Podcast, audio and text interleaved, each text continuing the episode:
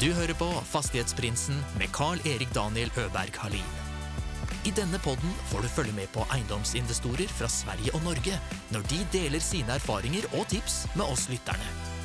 Gjestene er alt fra småbarnsforeldre med sin første enhet, til de mer etablerte haiene. God fornøyelse.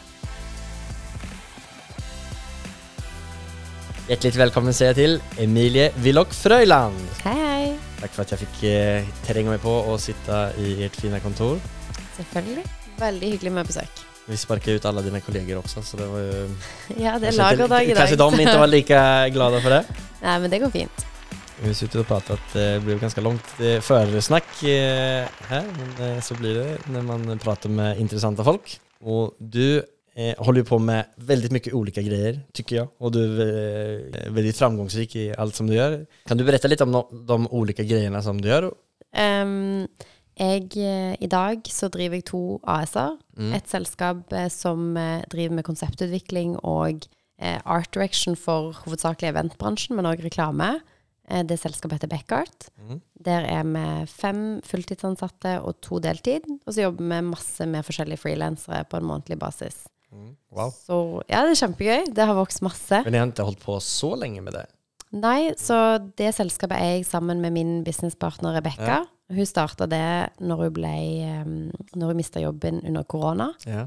Så hun starta et fysisk eventarrangementselskap i eh, midten av en pandemi hvor man ikke kunne ses. Nei, nei. Så definitivt å se henne. Optimism, eh, Veldig. optimismen. Ja. Um, og for um, Rebekka og meg driver òg et annet selskap sammen, som er AER. Ja. Det er et interiørdesignselskap hvor vi nå jobber mest med næring og bedriftskunder, men i starten så gjorde vi en del private oppdrag og boligstylinger. Så fordi vi drev dette AS-et sammen, så, og det begynte å gå veldig bra, begynte å få store jobber inn, så sa jeg for et år siden akkurat opp jobben min i en stor norsk bank. Sa du opp jobben for et år sedan? For ett år siden akkurat i dag, faktisk. Oi. Ja, Gratulerer. takk. Det har gått veldig fort. Ja, virkelig. Så på det tidspunktet når jeg sa opp jobben, så begynte vi vel egentlig å se at det sideprosjektet som Rebekka og meg hadde, da, som Ja. var AR, Ja. eh, det begynte å få ganske store jobber. Eh, rundt denne tiden i fjor så landet vi en jobb som tilsvarte egentlig hele omsetningsmålet vårt for det foregående året. Mm.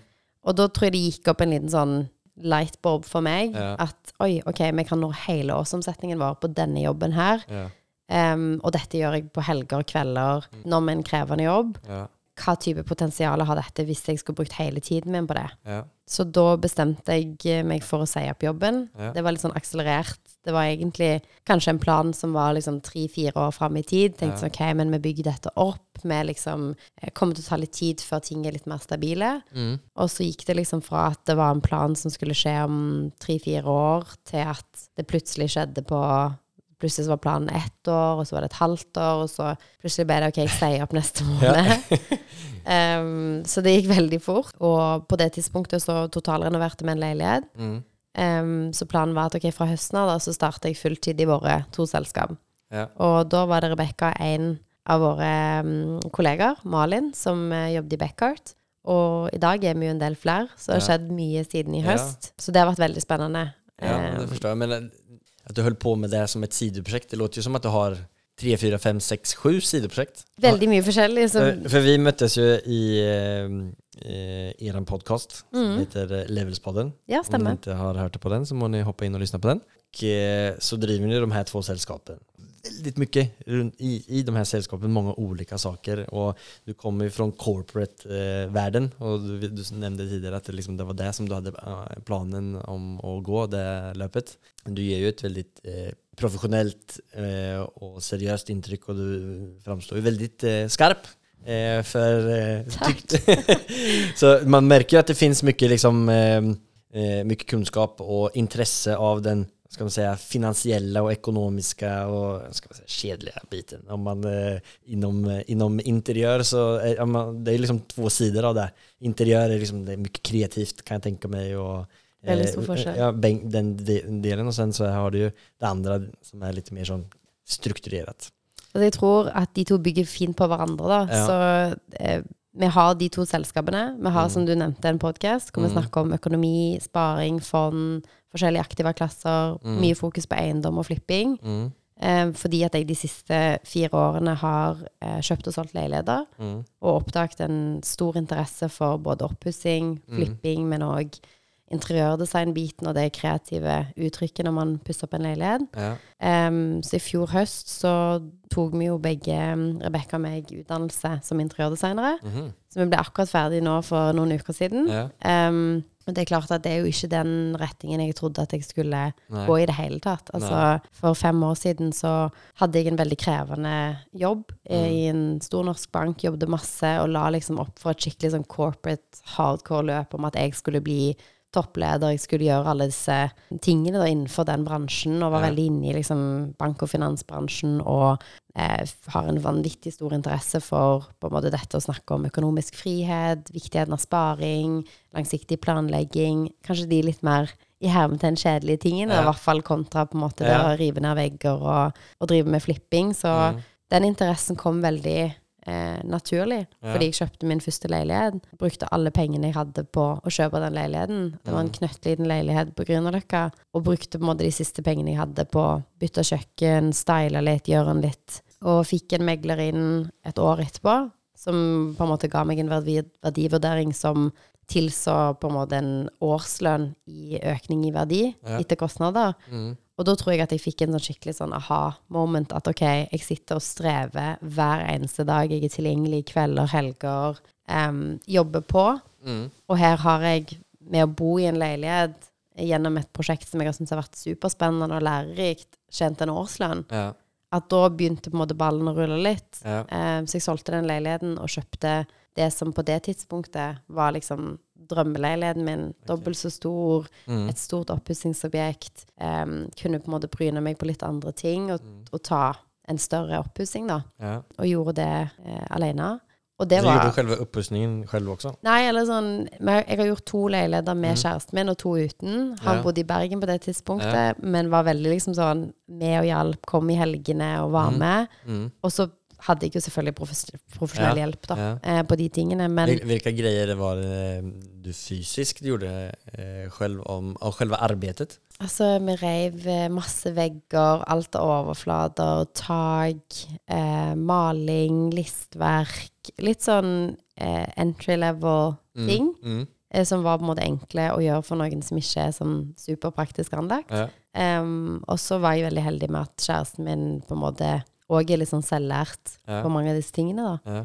Da gjorde vi det igjen, og hadde egentlig ingen planer om å selge den leiligheten. Og fikk en megler på besøk, og fikk en ganske kraftig verdivurdering på Ja. den. Og leiligheten som lå over den i bygget, kom ut på markedet. Mhm. Og da gikk det liksom Da gikk kverna. da var vi sånn OK, hvordan kan vi kjøpe den? Ja. Hvordan kan man eie disse to, kanskje eventuelt leie ut? Eller Mm. når man har eid den et år, kan man selge den og kjøpe et nytt prosjekt, og kunne liksom gjøre den spennende reisen igjen, da. Ja. For jeg tror både meg og Håvard, da, som kjæresten min heter, forelsker oss veldig i den prosessen, da. Det å kunne velge ut et objekt, det å kunne lage akkurat det man drømmer om, legge detaljer inn i Eller legge på en måte tid inn i detaljene og gjøre det fint. Mm.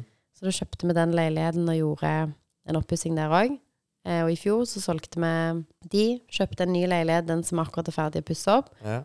og er på utkikk etter en nytt, ny leilighet, da, som Ja. vi nå for første gang ikke skal bo i, men hvor vi skal gjøre en oppussing og um, gjøre den leiligheten så fin som man kan. Lage noen andre sitt drømmehjem, og så gjøre det forhåpentligvis så mange ganger man har mulighet og tid til i løpet av eh, et år. Så det er på en måte en del av hvorfor jeg hadde lyst til å si opp jobben, at jeg hadde veldig mange ting utenom jobben som jeg virkelig elska å gjøre, Mm. annet eiendom og oppussing. Mm. Em, og det å kunne ha et sted som du har skapt din egen arbeidsplass, hvor du har friheten til å kunne være veldig mange ting, da. Mm. At en arbeidsdag kan være at man er i podkaststudio, så går man og møter en kunde, og så er man gjerne på befaring på en byggeplass, og så er man på en visning fordi man skal kjøpe leilighet sjøl.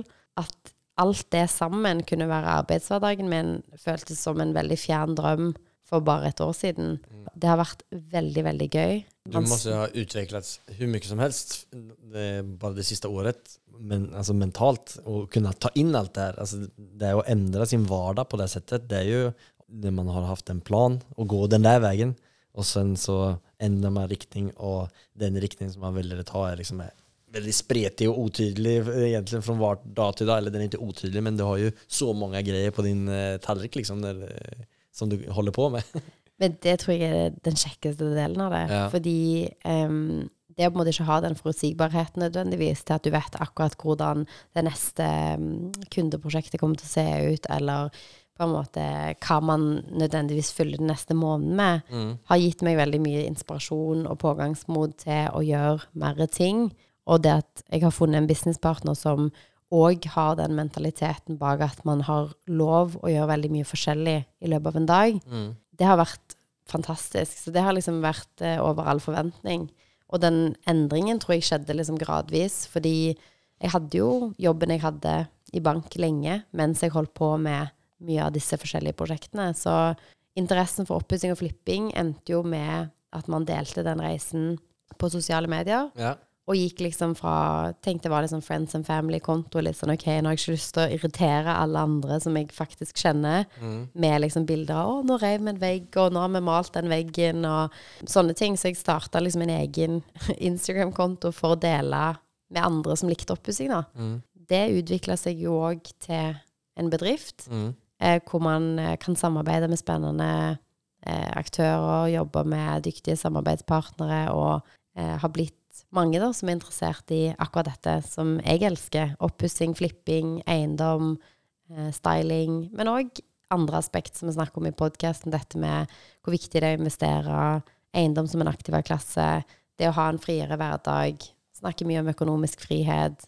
Litt sånn FIRE, Ja. som vi har snakket om tidligere. Kan du berette hva det står for, for de som ikke vet hva det är? Eh, Financially independent retire early. Ja, engelsk uttrykk for egentlig bare økonomisk uavhengighet. Det å kunne ha nok inntektskilder til ikke nødvendigvis trenge å ha en fast jobb, og kunne ta litt prosjekter sånn som man vil. Ja. Jeg vil bare ta oss litt tilbake liksom der. För det, det, som er, det som er, jeg syns er veldig spennende, og det som mange som lytter, kanskje eh, på. og det er liksom det här komma igång och bryta den här mentala första barriären. Och kanske göra sitt första projekt. For För det, det, det startar ju egentligen i huvudet. Att man vågar å att köpa det där Ja, första ja. projektet. Ta det där första klivet. Eh, Kan du se tillbaka till hur, hur, hur den processen har varit för dig? Det har väl varit många olika steg såklart, men eh, eh, när du kände att du väl kastade ut i det, nu kör vi på det här. Jeg tror at eh, det som er litt sånn kult med eiendom i Norge, er jo at det er en aktiva klasse som er lavere beskatta enn tradisjonell inntekt. Det vil si at både leieinntekter og eh, eh, eventuelle kjøp og salg av eiendom innenfor tolv måneder eller før tolv måneder er beskatta mindre enn tradisjonell inntekt. Har du på en måte lønn på en million, f.eks., så betaler du 50% skatt. Mens hvis du kjøper en leilighet som et oppussingsobjekt, og um, pusse opp den leiligheten og får en verdivurdering som er en million høyere, så kan du skattefritt selge den leiligheten innenfor tolv måneder, og egentlig ha tjent en million. Så jeg tror endringen der, det å liksom innse at jeg kan ha en kjempehøy inntekt i to år, betale 50% skatt og tjene det samme som å rett og slett bo et sted, som jeg har elska prosessen av å pusse opp, og som jeg trives i hver dag, det tror jeg var inngangen min. Og for meg er det veldig sånn lavterskel. Hvis shit hits the fan, og boligmarkedet går skikkelig skeis, så OK, worst case, og så bor jeg der fremdeles. Um, og elsker der jeg bor, og har skapt et drømmehjem for meg sjøl som jeg blir inspirert av å jobbe i, og som jeg liker å ha venner og familie på besøk i. Når det var nedsiden, så var det egentlig ikke så stor nedside at hvis man tenker å herregud, dette her er så overveldende og skummelt, så blir det jo òg det. Mens hvis man tenker ok, nå har jeg spart opp alle pengene mine, nå skal jeg kjøpe et sted å bo. Jeg har ikke råd til å kjøpe det fineste, så jeg kjøper noe som har potensial til å bli fint. Så bruker jeg tiden min, energien min, masse penger og og tid og kjærlighet inn i å gjøre det fint. Og så kanskje har det gått opp mye verdi. Supert. Jeg får pengene mine tilbake, og jeg tjener på den tiden jeg har brukt. Eller B, kanskje jeg selger på et tidspunkt som er kjipt, og da må jeg bo i denne flotte leiligheten litt Ja. til. Ja. At hvis du på en måte omformulerer det litt sånn, så tror jeg at det å komme seg ut i det første gangen er mye enklere. Og i Norge så har man jo masse folk som har vært superheldige med boligmarkedet de siste ti årene. Det har vært en eventyrlig reise som har vært bare piler oppover.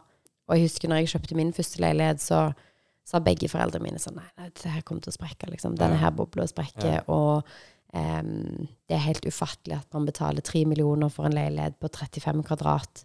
Det kommer, den kommer til å koste to millioner om, om fem år. Ja. Og det kunne godt ha vært, men på det tidspunktet så betalte jeg 13 000 i leie på en knøttliten leilighet. Det var liksom ikke som at leieprisene var tilsvarende. Jeg kunne ikke ha leid et sted for 5000-6000. Så for meg så var det veldig sånn OK, men renteandelen på dette lånet her er 2000-3000 i måneden. Resten betaler jeg ned. Hvis det skulle skje en korreksjon i markedet, OK, da får jeg bo her lenger, da. Eller da får jeg leie ut til den markedsprisen som er nå, og kunne betjene lånet mitt framover i tid. At hvis man har den tankegangen eller inngangen til det, så tror jeg det er mye enklere å komme i gang. Mm. Og når du da får det første kicket med at OK, alt det arbeidet og tiden, altså timen, timene du har brukt, på en måte dine egne midler, alle liksom blod, svette, tårer, har en form for prislapp i slutten av et år, og den prislappen er skattefri, det er en stor motivasjon. Mm. Og det er jo grunnen til at Jeg tykte om det, det du sa, eller hur man, man skal se det. At man, ja. ja. man köper någonting som man eh, liksom skal bo i og kan teste det ut den veien. Og det verste som kan skje, er at man får bo i en fin leilighet litt lenger enn man hadde tenkt. Ikke sant? Og jeg tror de fleste jeg snakker med flipping om, forstår ikke at jeg liker oppussing. De har lyst til å på en måte snu nøkkelen i døra og sette seg inn i et nytt hjem og egentlig bare ta med seg klærne sine. De har ikke lyst til å på en måte gjøre den prosessen, men for meg er jo kanskje det det kjekkeste. Hvilken da? At Oppussingsprosessen og det Ja. å liksom sånn lage alle de detaljene sjøl, at Ja. det krever jo mye. ja. Men for meg er det så Det er en sånn belønning, det å kunne liksom lage det akkurat sånn som du vil ha det. Mm. At når du liksom kjøper et oppussingsobjekt, så kan du bestemme alt som skal inn. Du kan designe det ut ifra hvordan du liker å leve ditt liv. Og det skaper så mye trivsel i hverdagen. Og jeg tror covid ga folk litt perspektiv på hvor viktig hjemmet ditt og omgivelsene dine er for din egen trivsel. At det å våkne opp, ha hjemmekontor, ha hjemmegym, alle disse tingene i ett sted Hvis du da ikke føler at det stedet er inspirerende og et sted du har lyst til å være, så tar det mye energi. Kontra hvis du er et sted hvor du er sånn OK, dette elsker jeg. Her trives jeg godt, her har jeg lyst til å invitere venner, her har jeg lyst til å på en måte Ja.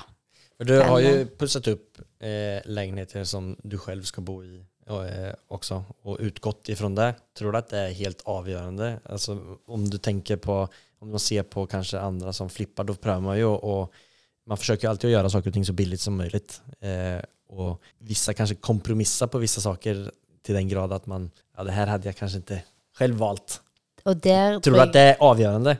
Jeg tror det. Eh, og det kunne jeg jo aldri ha gjort. Nej. Eh, og litt fordi at strategien vår har vært at man kjøper noe man bor i, og selger det skattefritt, Mm. så tror jeg aldri at eh, Jeg har aldri kjøpt noe som jeg ikke ville bodd i, fordi Nei. jeg skulle bo i det. Mm. Em, og jeg tror med flipping så kan man ta veldig mange snarveier, og det gjør mange òg. Og det kan godt være at det er liksom kortsiktige gevinster på det. At med å lage en leilighet som er superbillig, og hvor du kutter hjørner, og du liksom gjør ting Når markedet har vært sånn som det har vært nå, så har folk kjøpt noe uansett. Ja. For meg så har jeg lyst til at man skal legge masse tid inn i det. Jeg bruker masse penger på lister, på stukkatur og på restaurering av originale ting. Fordi at jeg vil at det skal være drømmehjemmet til noen. At noen skal kjenne på at ok, her er det ordentlige materialer, her er det ordentlig kjøkken, her er ting gjort på en ryddig og fin måte, da. Og så tror jeg at hvis man skal være kynisk på det, så tror jeg nok at du får veldig tilbake for det òg. Mm. Altså sånn det å bruke kanskje 50 000 på stukkaturer og rosetter i en flipp, tror jeg det er veldig mange som driver med dette, hadde sagt nei, aldri. Den effekten de gjerne har på noen når de kommer inn et sted, og det er alle disse originale, flotte eh, detaljene, tror jeg kan gi deg de pengene dobbelt, kanskje mer tilbake igjen. Det tror jeg med. Altså, jeg, du og jeg sitter jo på hver sin side av eh, både kanskje interesse og eh, öga för eh, interiör och detaljer. Jag, ser liksom, jag ser inte skillnad på grå och lysgrå och jag ser inte skillnad på om det är en viss detalj eller inte en viss detalj. Jag kan se, alltså för mig, jag, är väldigt, jag tror jag är väldigt där, Du ser det når det er ferdig. ja men jag ser, det här är fint. Ja. Så, så mycket detaljer ser jag. Ja. Men jeg tror man ser mer enn det man tror. Jo, jo, men det tror jag också. Och jag er är helt enig med dig att, att eh, jag tror att det har en värde på et sett som man kanskje ikke kan se. Men det kjennes at her er det faktisk noen som har lagt ned veldig mye tanker bak, bak allting. Når man vel begynner å grave litt på det, så ser man jo at som du sier, det her er det sånn basic list. Her er det en sånn det er bare enkle eh, løsninger hele tiden. Har du noen flere eksempel på enkle løsninger som du kanskje tror folk vanlige eller andre flippere gjør, som du kanskje medvetet har valgt å ikke gjøre? Jeg tror at um, Eller noe av det verste jeg ser, er jo Mm. liksom sånn at man ser en leilighet på Finn, og nå er jeg jo kanskje unormalt mye på Finn. Ja. Elsker Finn, Ja. har masse faste søk inne. Mm. Ser veldig mye på de tingene som blir omsatt hele tiden, egentlig. Mm. Så jeg kan jo ofte se noe som jeg har sett på Finn. Så vet jeg at noen som driver med eiendomsutvikling, har kjøpt det. Ja. Og så ser jeg når de selger det, og så ser man jo hva som har blitt gjort. Mm. Jeg er overraska over hvor mange som f.eks. i klassiske bygg bygger ned liksom sportbokser, tar og fjerner f.eks. originale detaljer som originale stukaturer og Ja. rosetter fordi at man skal ha sportbokser og spotter i taket og liksom For meg så er det som å banne i kirka, og bare Det er totalt ulovlig i min bok å Ja. gjøre sånne ting. Og jeg tenker jo kanskje at ok, ja, de standardene er mer moderne, men noen som kjøper et sånt bygg, Ja. har gjerne mer lyst på de detaljene. Og selvfølgelig skal det være en fresh standard, men at man liksom Den ser jeg mye. Eh, og jeg ser òg veldig sånn typisk at man vet at noen har gjort 20-30 leiligheter, og alle ser helt like ut. At du liksom Jeg har snakket med mange venner òg som er sånn 'Å, vi gikk på fem visninger forrige uke, og jeg husker ikke helt forskjellen på dem, for de så så like ut'. Mm. At det føles ut som noen har på en måte Det har gått på et samlebånd, og alt har vært det samme, da. Mm. At hvis du eh, kjøper og selger en leilighet og pusser den opp med tanke på at noen skal bo der, og man legger liksom litt kjærlighet i de ekstra detaljene, så tror jeg at man gir et mye bedre produkt til de som ender opp med å kjøpe den. Og jeg tror òg man tiltrekker seg andre folk inn. Det vil alltid være et marked for noen som har lyst til å kjøpe ferdig. Mm. Og det tror jeg kanskje er en av de tingene man Misforståelsene rundt flipping. At man har en idé om at noen prøver å suge ut så mye penger som mulig. Og liksom manipulere boligmarkedet og stjele muligheten til å kjøpe bolig fra folk som ønsker sin første bolig. Men um, ofte så Alle leilighetene jeg har kjøpt, har ligget på markedet i 70-90 dager i Oslo. Det er liksom Omsetningstiden i Oslo er liksom som oftest under to uker. Mm. Så det er jo ekstremt lenge. Det har vært objekter som ingen har lyst på, som ingen har bydd på, og som det har vært gjentatte og gjentatte visninger på.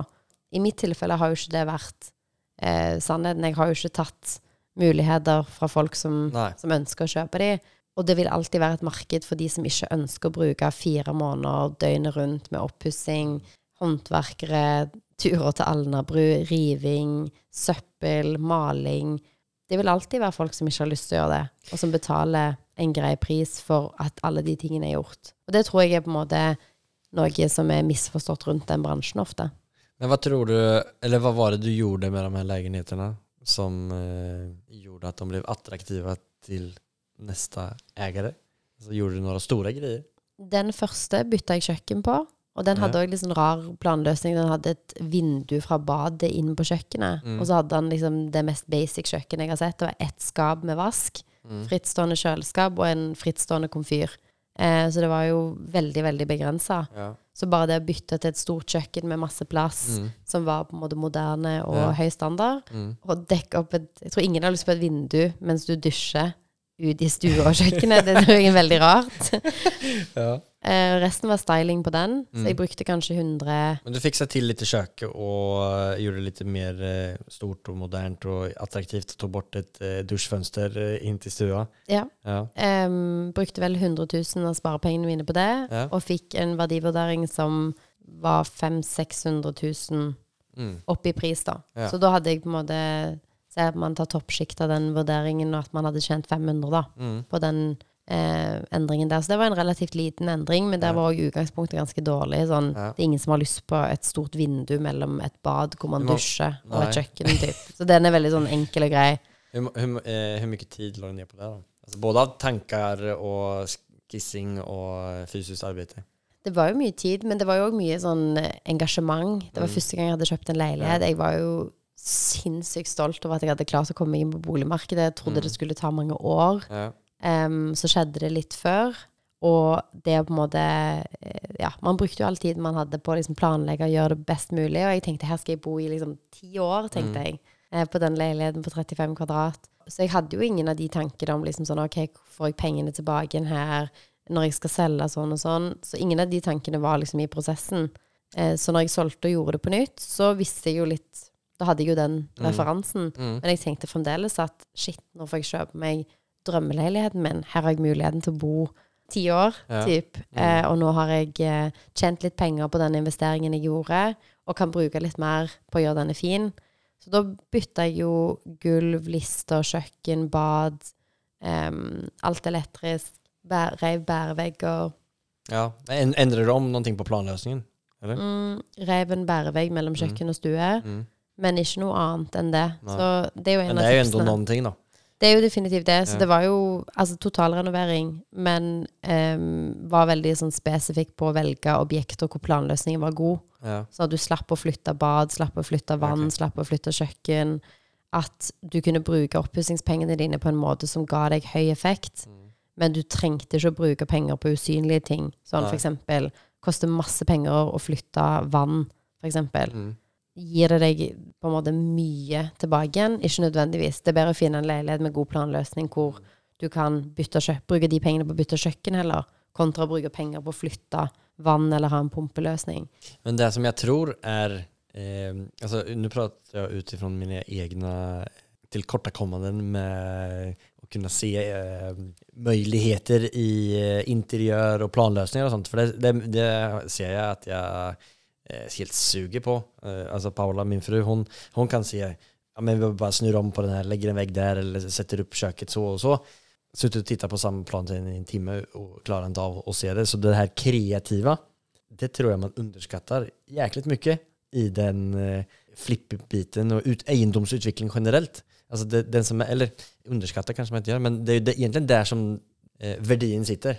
Og det er jo kult med den jobben vi får gjøre i dag, Ja. fordi at eh, gjennom selskapet vårt AER så jobber vi jo med folk som driver med eiendomsutvikling, vi Mm. jobber med store aktører på Mm. næringseiendom og eh, har hovedsakelig bedriftskunder som kunder.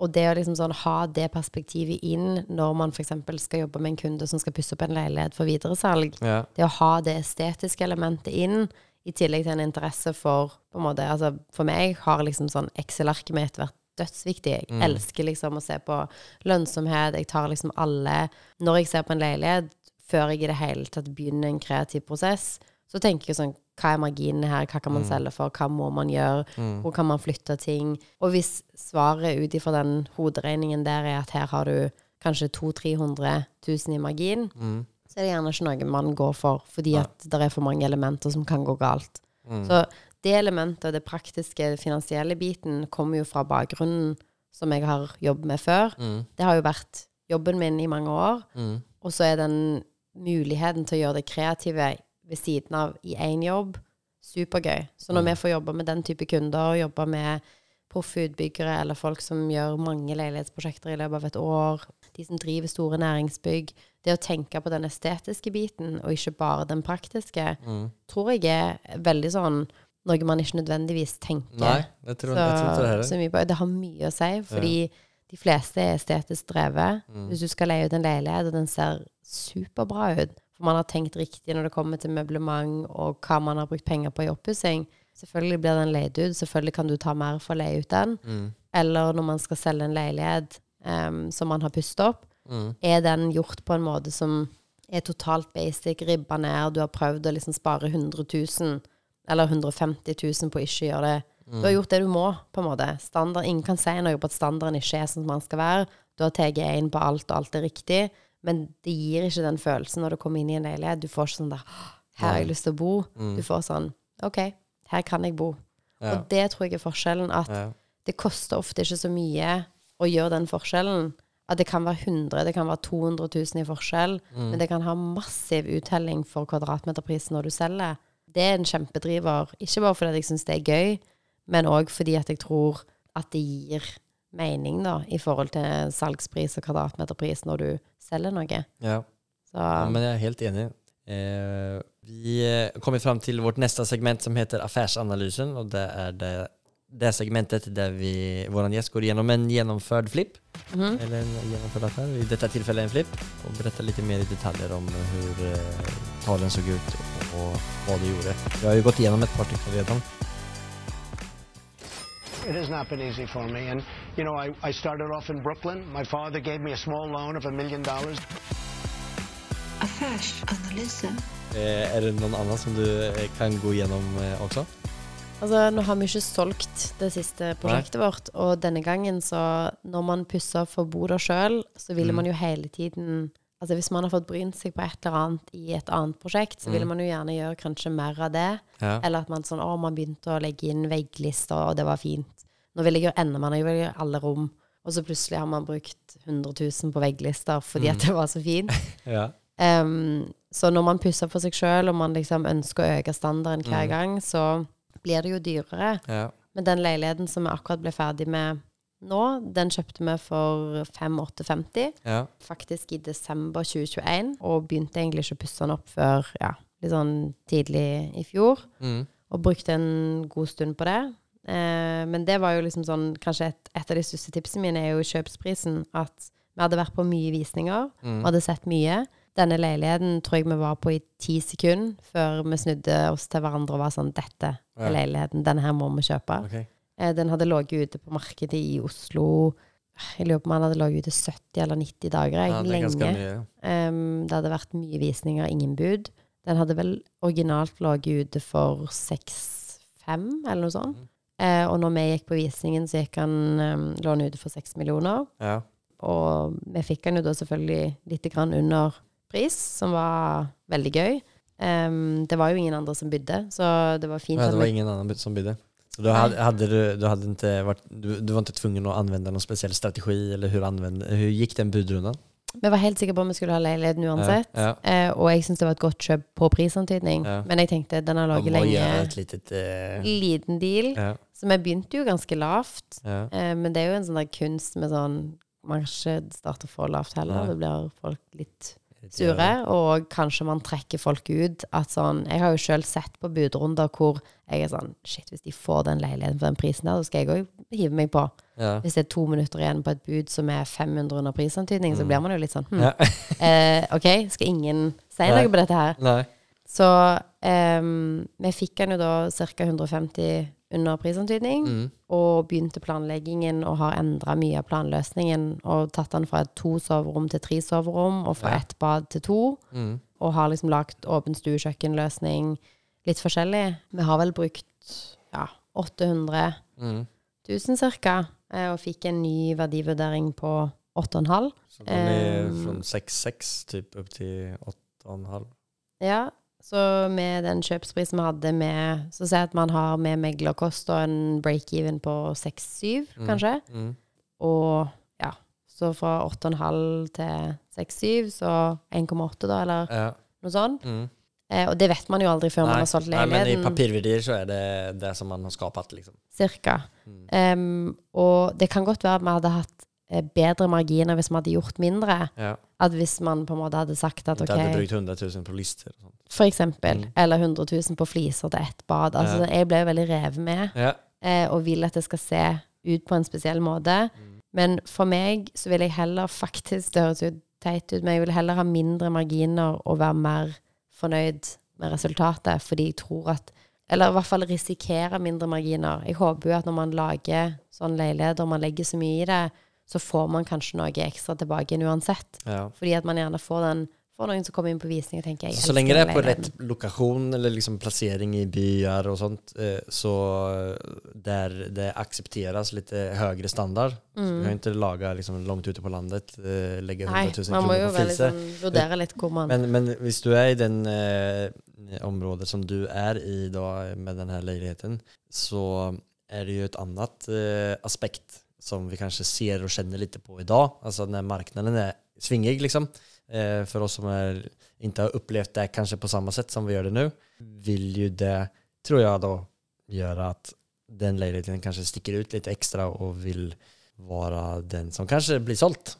Även Kanske. om det inte blir eh, Eh, alltså, låt säga att det är eh, eh, 100 lägenheter ute i området och det är bara tre som blir sålt så är det ju kanske de som sticker ut och blir, är finast då, som vill bli sålt. Og det vet man jo. Man vet jo aldri. Nei. Altså, leiligheten er rundt 90 kvadrat, og kvadratmeterprisen på Grünerløkka er ofte 100. Mm. Så det kan jo være at det går kjempebra bedre enn Ja. det man forventer. Det kan være at det går dårligere, så det vet man jo aldri. Men eh, så lenge man, når man går inn i det, tenker på tallene, man tenker på hva kan man puste opp for, eh, hvor kan man gå over, hva, hvordan skal man fordele pengene.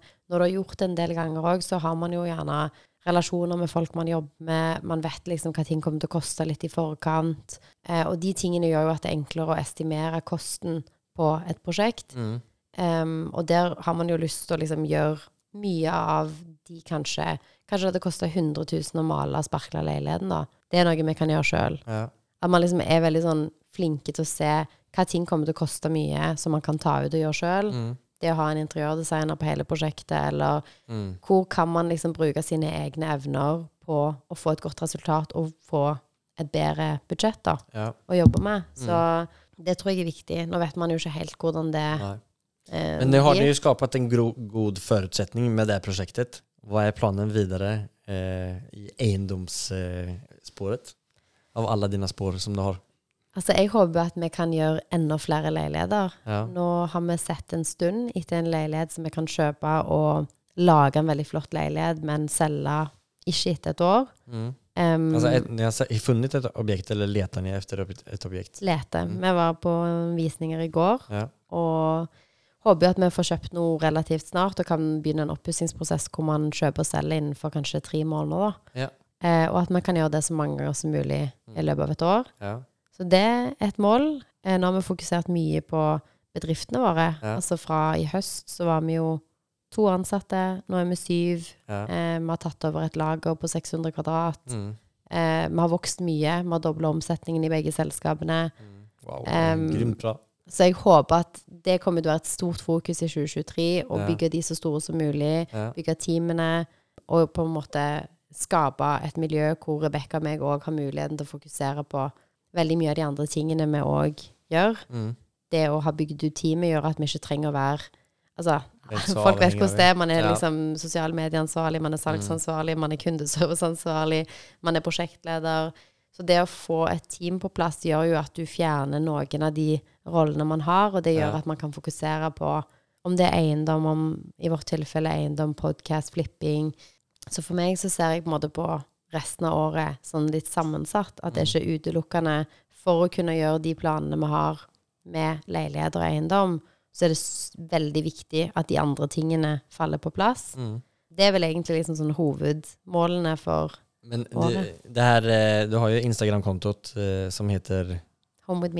Eh, har, du har jo veldig mange følgere der og legger ut veldig mange fine videos og bilder. Og man, der ser man ju din, eh, liksom in, ditt interesse og kunnskap om interiør.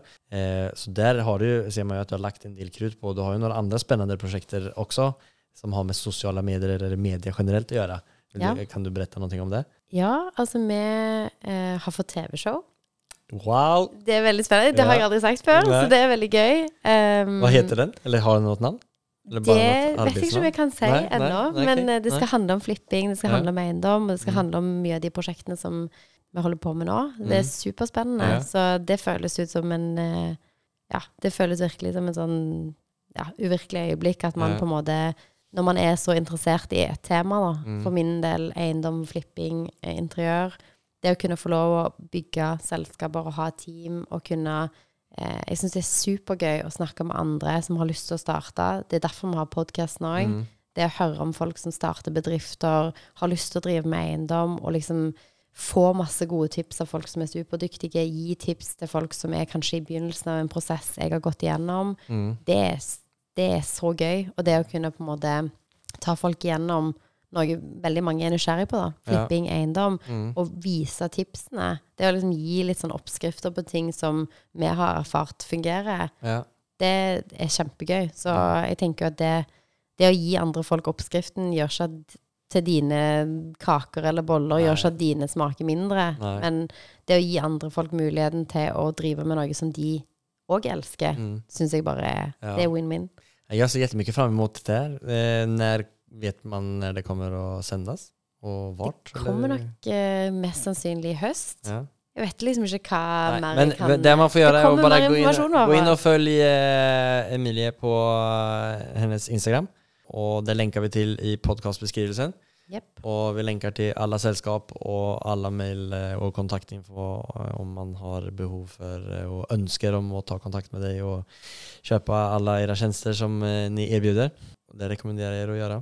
Det skal bli superspennende. Nå hopper vi videre til vårt neste segment som heter Fyra frågor. Yep. Det er de samme fyra frågorna som vi stiller vår gjest.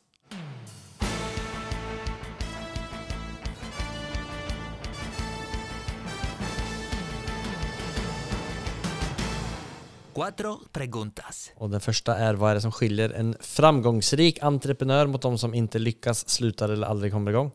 Det er nok mange, eh, mange ting, men jeg tror det man hele tiden kommer tilbake til, er at det er et veldig stort eh, sånn mindset-bit med det å ha en bedrift. At eh, hvis man går inn i en situasjon og tenker at noe er vanskelig eller umulig eller tungt, vanskelig, dyrt, eh, at man ikke klarer å få det til, enten om det handler om eiendom eller det å ha en bedrift eller å bygge en bedrift Du kommer liksom i tusen settinger hele tiden hvor du er semi-ukomfortabel, og i prosesser hvor du ikke vet nødvendigvis hva svaret er. Men inngangen din inn i de situasjonene, at hvis jeg kommer med skal levere noe til en kunde som er fem ganger budsjett vi noen gang har hatt, og med masse logistikkelementer som man gjerne ikke er kjent med, det å stole på deg sjøl til at det her ordner vi. Vi finner en løsning, man finner partnere som kan levere, eller underleverandører som kan være med inn og bygge et team. At man har litt tillit til at man klarer å finne en løsning. Kontra at man setter seg ned og liksom er sånn Shit, hvordan skal man få til dette her?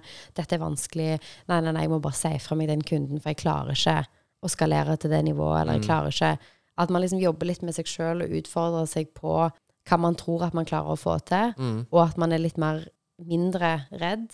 Jeg tror veldig mange kan kjenne på litt sånn der um, imposter syndrome. At man sitter i situasjoner og så er man sånn Shit, hvordan kommer jeg hit? Hvordan sitter jeg og diskuterer store næringsbygg eller svære kunder eller um, har en podkast eller hva enn det er? Hvordan kommer jeg i den situasjonen? Jeg må ha på en måte, Jeg tror ikke de har skjønt at jeg ikke kan Nei. dette. Og jeg tror veldig mange tenker på de tingene og lar de tingene styre deg, men veldig mange kjenner på det. Bare liksom, Kjenner du på det? Av og til, ja. Ja. Definitivt. Men altså, du virker jo veldig selvsikker og trygg og som sagt du, har, du virker veldig reflektert. reflekterad. Eh, så det er jo intressant å høre hvordan du håndterer sånne der situasjoner, situationer hvis din hjerne kommer og spøker litt med deg. Men av og til så tenker man jo liksom Ja. sånn eksempel i den TV-settingen. Jeg har jo aldri vært i den settingen Nei. før. sant? Men så tenker jeg det der ordner seg. Ja. Um, jeg elsker det. Det og liksom sånn så kul. Hvis man tenker sånn OK, men hvorfor skal noen ha interesse å se på dette her? Så må Mm. man tenke sånn Det tenker jeg når man gjør ting på Instagram òg. Ja. Jeg har lyst til å skape verdi for folk som er der. At sånn Hvis du er interessert i flipping, hvis du er interessert i oppussing Jeg har lyst til å gi noen konkret noe som har verdi. Ja. Og så lenge jeg vet at jeg kan gi tips som kan gi verdi til andre, Mm. så går liksom litt de der tankene vekk om hvorfor skal jeg gjøre det, hvorfor skal jeg få den muligheten. At da er man sånn Det der ordner seg. Og for de som er interessert i denne nisjen her, så kan det være at de tipsene eller de samtalene med folk som har fått til kule ting, kan være noe som gir de noe, og som gjerne er med på at de tar en sjanse eller fortsetter med det prosjektet de har. Så jeg tror at man må legge litt vekk at man skal ha svar på alle ting, og at man skal føle seg 100% trygg på ting. Sånn alle gangene vi har tatt en risiko i vår bedrift eller på andre prosjekter, så har man kjent på den der i magen at shit, ok, nå hopper vi ut forbi et stup, vi aner ikke liksom Hver gang man har ansatt noen, ok, kommer vi til å ha råd Ja. til å ansette noen, kommer vi til å ha råd til arbeidsgiveravgiften og lønn og pensjon og kontorleier og lagerleier og biler og alle disse tingene. Ja. Og hvis man går tilbake til at man har en god finansiell oversikt, og man har lagt en plan i Excel, Mm. og man stoler på at man klarer å levere noe bra, Mm. hvorfor skal det ikke gå bra, tenker jeg. Em, så mye mentalt, Ja, og liksom grymt. jobbe med seg sjøl på det. Superbra tips. Andre spørsmålet om alle eiendommer var til tilgjengelige for deg. Om penger ikke var motivasjonen, hvilken eiendom hadde du kjøpt og hvorfor? Jeg tror aldri at jeg hadde kjøpt noe som jeg visuelt ikke syntes var fint. Nei. Sånn, meg og Håvard har liksom hatt de diskusjonene et par ganger at det har kommet et objekt som jeg ser at det kommer sikkert til å tjene penger, men jeg liker ikke hvordan det ser ut. Ja. Altså fundamentet, de Nei. tingene du ikke kan endre. Sånn, eh, jeg tror jeg er veldig drevet av ting som jeg syns originalt er fint. Sånn, elsker klassiske bygg, elsker å restaurere klassiske detaljer, elsker høy takhøyde.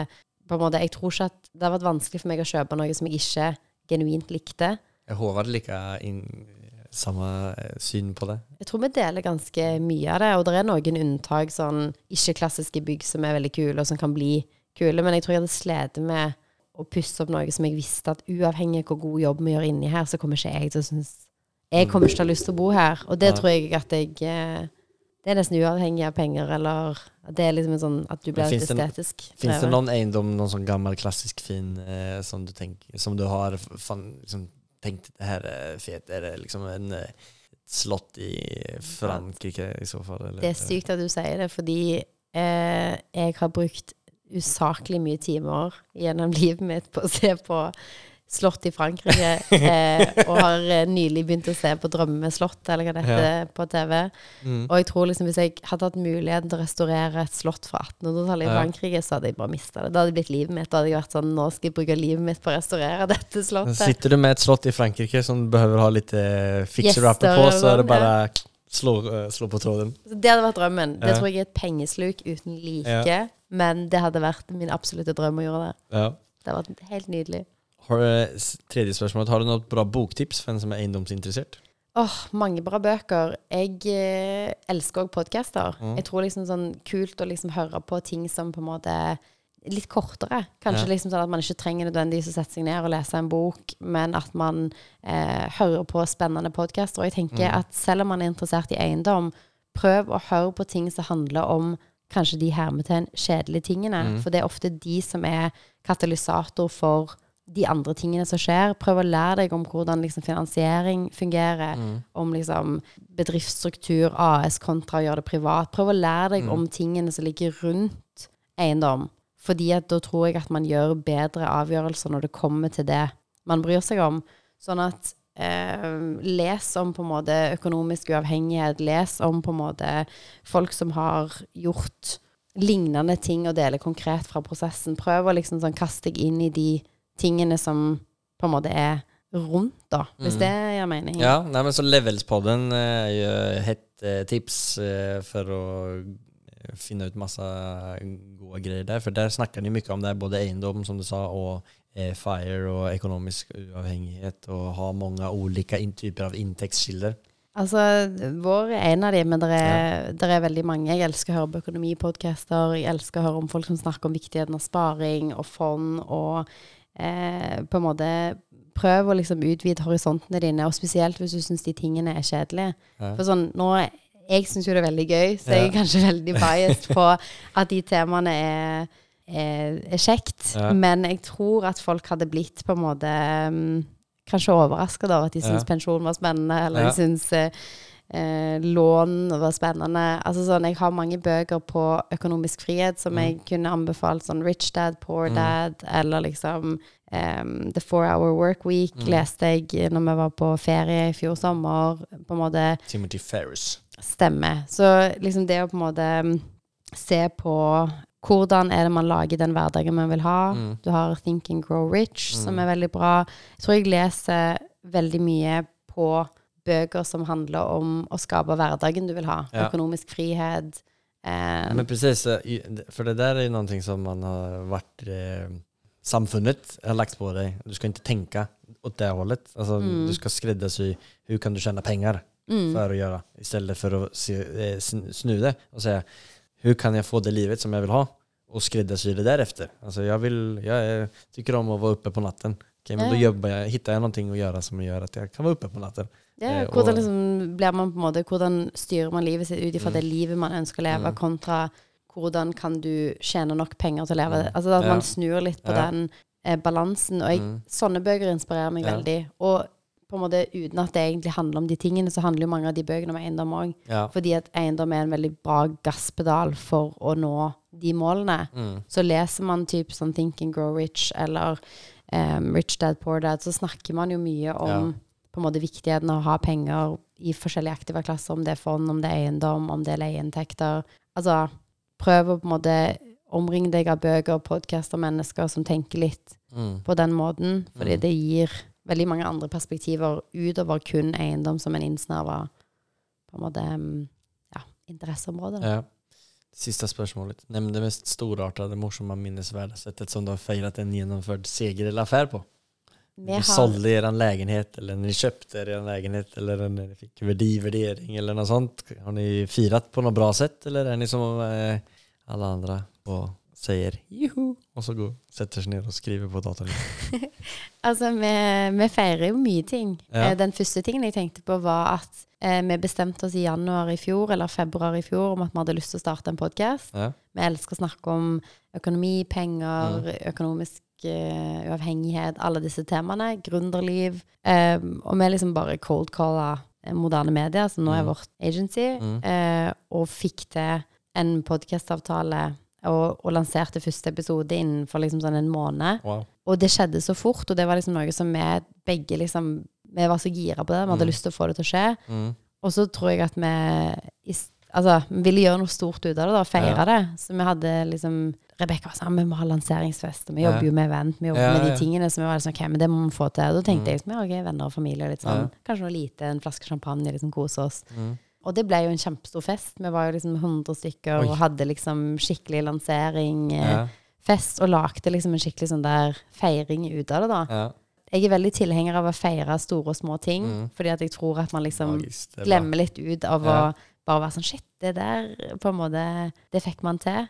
Jeg, for når jeg begynte å jobbe i bank, så eh, så jeg en video, eller om det var en TED-talk, med det å skrive ned ting som man får til i en mail til seg sjøl. Ja. Og når man skal inn i en liksom, medarbeidersamtale, eller man skal inn i en lønnsforhandling, så husker man på alle de gangene man har fått til små ting. Ja. Fordi jeg i hvert fall glemmer helt ut ting som man har fått til. Og det er ikke før jeg liksom etterpå er sånn Å ja, stemmer, vi gjorde det, ja. Så, men Mener menar du at hver gang du liksom kjenner at ja, nå gjorde jeg noe, någonting bra, at du skriver ett mail og skikker til det for å liksom ha gjort det litt mer fysiskt? Så den personen Ja. samla faktisk tilbakemeldinger. Så Ja. den personen som lagde videoen, Ja. eh, jobbet i en sånn salg- og kundefunksjon. Mm. Og hver gang de fikk liksom god tilbakemelding på et prosjekt, eller fikk gjennomslag på et budsjett, eller liksom tok på seg et nytt ansvarsområde, Mm. eller fikk noe konkret tilbakemelding, så skrev de det opp, Ja. sendte mailen til seg sjøl, med samme liksom subject line, Ja, ja, og så samla de det opp da, etter kult. Men det er bra. Det er fint med sånne konkrete greier som faktisk gjør at man får noe det blir jo litt mer fysisk enn at du bare skriver opp det her og der, eller bare eller Man glemmer det, det jo. Man, man sitter jo ikke og tenker sånn der Å, så flink jeg var på det eller Nei. det. Man, man tenker jo ikke over det. det Man går jo til neste. Viktig. Veldig. Og da tror jeg at man òg kommer på alle de gangene man overrasker seg sjøl Ja. med noe. At man er sånn Å, shit, det trodde jeg aldri jeg skulle få til, og så fikk man det til. Mm. Og det tror jeg er en driver for andre ting. Mm. At med en gang man husker på at å ja, men jeg var den personen som gjorde det, Mm. og fikk til noe jeg ikke trodde jeg fikk til. Da tror jeg man er mer sannsynlig at man gjør det igjen. Mm. Prøv å liksom så godt man kan samle på de øyeblikkene hvor man overrasker seg sjøl med å få til noe, Mm. sånn at man ikke glemmer det òg. Fordi det driver deg veldig til de neste Ja. tingene på listen. Takk så mye for bra svar. Er det noen spesielle deals som du er på jakt etter når Ni skal se på en ny lägenhet? Vi var på en leilighet i går Ja. eh, som jeg syns var interessant. Jeg pleier å styre veldig unna de som annonseres som oppussingsobjekt, ja. fordi det tiltrekker seg veldig mange som har lyst til å tjene penger, tjene penger, Mm. eh, og gjerne ikke har gjort det før. Mm. Sånn at hvis jeg har sett en leilighet som ligger ute for Se dette eksempelet, da. Det var en 57 kvadratmeters leilighet, lå ute for 4-2, må totalrenoveres. Mm. Eh, I et område hvor du kanskje kan selge maks for 100 000 kvadraten, da er du på 5-7. Eh, du må legge en million inn i den oppussingen, og du skal ha meglerkost osv. på slutten. Og så var toppsalget i det bygget på 5-4 på samme planløsning. Da har du ingen marginer Nei. å gå på. Um, jeg, mine favorittkjøp er de som ikke annonseres som et oppussingsobjekt, Mm. hvor alt av det som skal være der, er der. Typ sånn vann er på riktig sted, badet er på riktig sted, god planløsning. Og det er, det er egentlig annonsert som en sleden leilighet. Ja. Du kan flytte inn der. Hvis du ikke bryr deg om de tingene, så kan du bo der null problem. Mm. Um, det er de jeg liker Mm. best. For de er ofte De går litt under radaren. de går under radaren på Ja. mange Mm. fordi at de er ikke fine. Um, Man måtte måste det vara jäkligt kreativ för, än en gång, för att kunna se de där grejerna, vilka, vilka saker som man kan göra eh, bra förbättringar på, som inte de flesta ser på mig själv. Men jeg Eh, inte ser. anbefaler altså sånn, De aller fleste annonser kommer jo med en alternativ planløsning. Ja. Hvis du ikke ser det sånn automatisk, Ja. um, så se på de. Mm. Liksom Gå liksom fram og tilbake, for det er ofte bilde to og tre. Mm. Gå fram og tilbake, fram og tilbake, helt til du er sånn Ja, selvfølgelig er det sånn. Ja. Og da tror jeg at det meglere ofte gjør, er at de flytter kjøkken inn i en stue for å få et ekstra soverom. Ja. Så hvis du vet på en måte hva de ofte gjør, Mm. så tror jeg òg du leter etter de tingene når du ser det. Så hvis du ikke automatisk ser det, Mm. så kan du liksom lære deg sjøl Mm. til å se det, da. Mm. Og kanskje òg følge folk på Instagram som gjør før og etter, som er sånn OK, du viser prosessen, deler hvordan de så på noe, hvordan de planla. At ehm, det kan man absolutt lære seg Mm. til å, å tenke på den måten. Er det noen spesiell person eller selskap som du ønsker å komme i kontakt med? Eh, Rebekka og meg sier alltid at vi har lyst til å jobbe med Petter Stordalen, Ja. fordi vi har mye samme energi. Petter Stordalen er nemlig fast lyssnare på Fastighetsprinsen, så når han hører det her så kommer han å ta kontakt med er. Ja, fantastisk. Eller? Nei, det er gøy å jobbe med folk som eh, har eh, lidenskap for det de holder på med, Ja. og en fantastisk sånn Jeg beundrer veldig de folkene som jobber med akkurat det de elsker, og som Mm. har skapt sin egen arbeidsplass, og som har skapt arbeidsplass for mange, og som veldig, veldig tydelig er drevet at de elsker det de holder på med. Ja. Eh, det motiverer meg så mye. Mm. Så det å liksom Når vi jobber med folk som driver med næringseiendom, og som har store prosjekter, og det å se hvor mange av de som elsker det de holder på med, det er veldig gøy. Mm. Så det er mine favorittkunder, fordi man har så mye til felles Mm. eh, fra før av at dynamikken er så bra, det er enkelt å jobbe sammen. Har du person, ta kontakt. Definitivt. Og folk, om folk vil komme i kontakt med deg, så ta, hvor ønsker du at folk skal ta kontakt med deg da? Altså, alle selskapene våre har Instagram-profiler. Mm. Eh, vi får mye av jobbene våre gjennom Instagram-melding, bare. Ja. Eh, vi legger ut masse av de prosjektene vi jobber på. Masse arbeid for kunder. Så der kan man jo se litt hva vi type leverer. Ja. Så veldig enkelt å liksom se Skal man ha scenografi? Skal man bygge et filmsett? Skal man bygge et TV-studio? Mm. Skal man lansere et produkt? Alle de tingene der. Kan man se litt referansecaser og Ja. sånn. Skal man uh, pusse opp et uh, næringsbygg, et uh, kontor eller et hjem, så ser man mye av de jobbene vi har gjort på IR sin Instagram.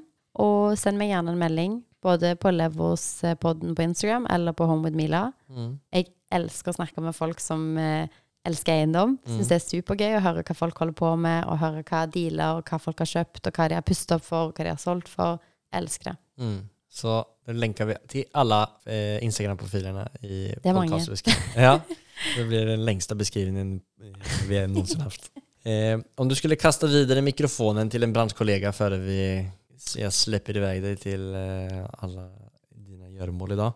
Altså, du har jo vært på Rebekka meg som podkast. Du burde absolutt ha Rebekka på den podkasten, Mm. fordi eh, hun har så mye guts, og Mm. så liksom teft med på en måte folk og bransjen, og har klart å bygge en fantastisk bedrift Mm. i en periode hvor det skulle vært umulig å dreve med fysisk arrangement. Mm. Og hun har vært veldig uredd i hvordan hun på en måte har Ja. seg inn i ting. Og hennes liksom måte å være med kunder på, og bygge relasjoner og levere sånn på et fantastisk høyt nivå igjen og igjen og igjen, Mm. tror jeg er Ja, for liksom det jo noen ting som går igjen liksom, uansett hvilken bransje man holder på med. Uansett, og jeg tror liksom sånn Mm. den Hun har gjort så mye spennende og drevet modellagentur i LA og jobbet i New York og gjort så mye forskjellig. Så det, den gründerhjernen hun har, og måten hun nettverker med folk og bygge bygger relasjoner og har bygd en bedrift, Mm. superspennende. Det er ikke så mye om eiendom, Nei. men veldig mye om på en måte det å mange av de tingene som hun har gjort riktig, Mm. tror jeg noen som jobber med enten å bygge opp et eiendomsselskap, begynner med Mm. altså, alt som er relasjonsbasert, så Mm. tror jeg det er superrelevant. Mm. At man um, tenker veldig liksom på hvordan man bygger opp. Mm. Uavhengig av hva man bygger opp, da. Ja, Og så holder hun på med litt oppussing og sånn, hun òg. Så sant? mye felles Ja. nevnere der. ja, men superbra. Takk så jättemycket for at jeg fikk eh, ta opp din tid. Tusen takk for at jeg fikk eh, være med i podden. Det er superstas. Ja. Takk. Lykke til med alle dine og Rebekkas og Håvards eh, fremover framöver så håper jeg at vi høres og och ses snart igjen. Det gjør vi. Ha det. bra.